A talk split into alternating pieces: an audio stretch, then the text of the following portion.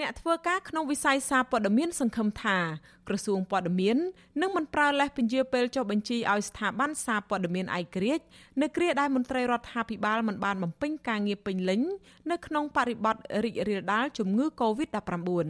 នាយកផ្នែកប្រព័ន្ធផ្សព្វផ្សាយនៃមជ្ឈមណ្ឌលកម្ពុជាដើម្បីប្រព័ន្ធផ្សព្វផ្សាយឯករាជ្យ CCIM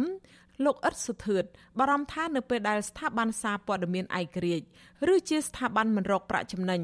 ធ្វើតាមតម្រូវការពីក្រសួងព័ត៌មានដើម្បីបំពេញលក្ខខណ្ឌចុះបញ្ជីនោះក្រសួងពាក់ព័ន្ធអាចបង្កការរាំងស្ទះឬភាពស្មុគស្មាញនានាដែលនាំឲ្យដំណើរការមិនរលូនលោកថាអាចមានការយល់ឃើញរបស់មន្ត្រីរដ្ឋាភិបាលមួយចំនួនដែលថាស្ថាប័នព័ត៌មានឯករាជ្យគឺជាក្រុមប្រឆាំង។ នៅក្នុងប្រទេសកម្ពុជាយើងពេលដែលមានការអនុវត្តអ្វីមួយជាភាសាអនុវត្តច្បាប់ឬក៏គោលនយោបាយមួយគឺយើងបារម្ភបំផុតអំពីតម្លាភាពក៏ដូចជា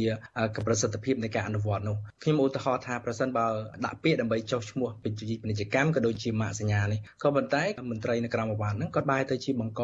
ភាពស្មុគស្មាញថានៅខ្វះឯកសារនេះនៅខ្វះឯកសារនោះឬក៏គាត់ពន្យាពេលក្នុងការធ្វើហើយជាពិសេសនៅក្នុងបរិបទជំងឺ Covid-19 ដែលប្រហែលជាមន្ត្រីមួយចំនួនតូចបំផុតយោងតាមការកំណត់របស់រដ្ឋាភិបាលនោះគឺត្រឹមតែ2%ទេខ្ញុំមិនសង្ឃឹមថានេះមិនអាចនឹងមិនមែនជាលេស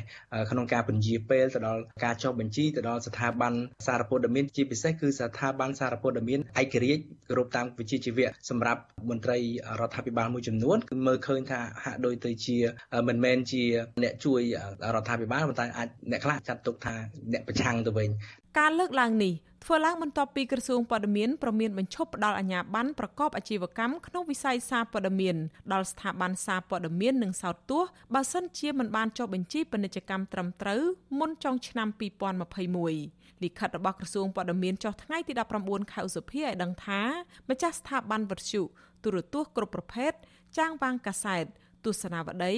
ប្រតិបត្តិ គេហទំព័រប្រព័ន្ធផ្សព្វផ្សាយតាមអនឡាញនិងនយោបាយក្រុមហ៊ុនផ្ដល់សេវាកម្មលើវិស័យព័ត៌មាន និងសោតទស្សន៍មួយចំនួនធំ បានយកចិត្តទុកដាក់អនុវត្តតាមច្បាប់ជាធរមាន និងការប្រកាសរបស់អន្តរក្រសួង ស្ដីពីការគ្រប់គ្រងការចុះបញ្ជីពាណិជ្ជកម្មត្រឹមត្រូវក្រសួងនេះប្រមានថាបើសិនជាស្ថាប័នណាមួយមិនបានទៅចុះបញ្ជីមុនថ្ងៃកំណត់ទេ ហើយនៅតែដំណើរការអាជីវកម្មរបស់ខ្លួនដោយបំពានច្បាប់ក្រសួងព័ត៌មាននឹងបញ្ឈប់ផ្ដល់អាជ្ញាប័ណ្ណប្រកបអាជីវកម្មចាប់ពីដើមឆ្នាំ2022តទៅ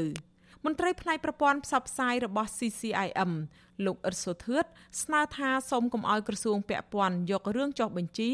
ឬការប្រកាសពន្ធដារយកមកធ្វើជាលេសរករឿងស្ថាប័នឯករាជ្យនិងមិនអាចឲ្យពួកគេបំពេញការងារវិជ្ជាជីវៈរបស់ខ្លួនបានការចុះបញ្ជីនឹងប្រសិនបើយើងដាក់ឲ្យតែមានតែចំនួនហ្នឹងគឺ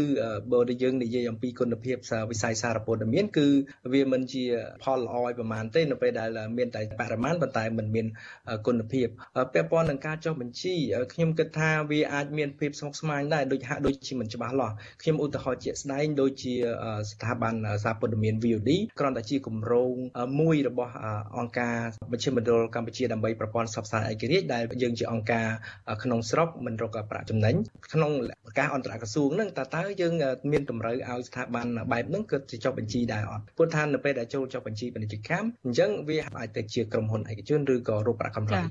បញ្ហាទាំងអស់នេះ CCM ក៏នឹងព្យាយាមសិក្សាបន្ថែមទៀតក៏ប៉ុន្តែខ្ញុំគិតថាប្រហែលជាអាចក្រសួងគួរតែពន្យល់ឲ្យបានច្បាស់លាស់ទៅលើចំណុចទាំងអស់នេះក្រសួងព័ត៌មានបង្ហាញថាគិតត្រឹមថ្ងៃទី19ខែឧសភាកម្ពុជាមានស្ថានីយទូរទស្សន៍ផ្សាយតាមប្រព័ន្ធ Analog និង Digital មានចំនួន27ស្ថានីយទូរទស្សន៍ខ្សែកាបមានចំនួន220ស្ថានីយវិទ្យុមាន220ស្ថានីយនិងអង្គភាពបោះពុម្ពផ្សាយជាង400អង្គភាព ចំណែកអង្គភាពផ្សព្វផ្សាយតាមអនឡាញវិញ មាន669អង្គភាពក្នុងនោះអង្គភាពជាច្រើនក៏បានចុះបញ្ជីនៅក្រសួងព័ត៌មានរួចហើយស្ថាប័នព័ត៌មានទាំងនោះភាគច្រើនលើសលប់សុទ្ធតែមាននិន្នាការគ្រប់គ្រងរដ្ឋាភិបាលលោកនាយករដ្ឋមន្ត្រីហ៊ុនសែនរីឯស្ថាប័នព័ត៌មានឯករាជ្យវិញត្រូវបានរដ្ឋាភិបាលបន្តធ្វើទុកបុកម្នេញឥតឈប់ឈរចាប់តាំងពីមុនព្រឹត្តិការណ៍បោះឆ្នោតជាតិឆ្នាំ2018មក។ កម្ពុជានៅតែបន្តស្ថិតនៅក្នុងស្ថានភាពលំបាកផ្នែកសេរីភាពសារព័ត៌មានដដែលដោយជាប់លេខ144ក្នុងចំណោម180ប្រទេសនៅទូទាំងពិភពលោកក្នុងសន្ទុះសេរីភាពសារព័ត៌មានពិភពលោកឆ្នាំ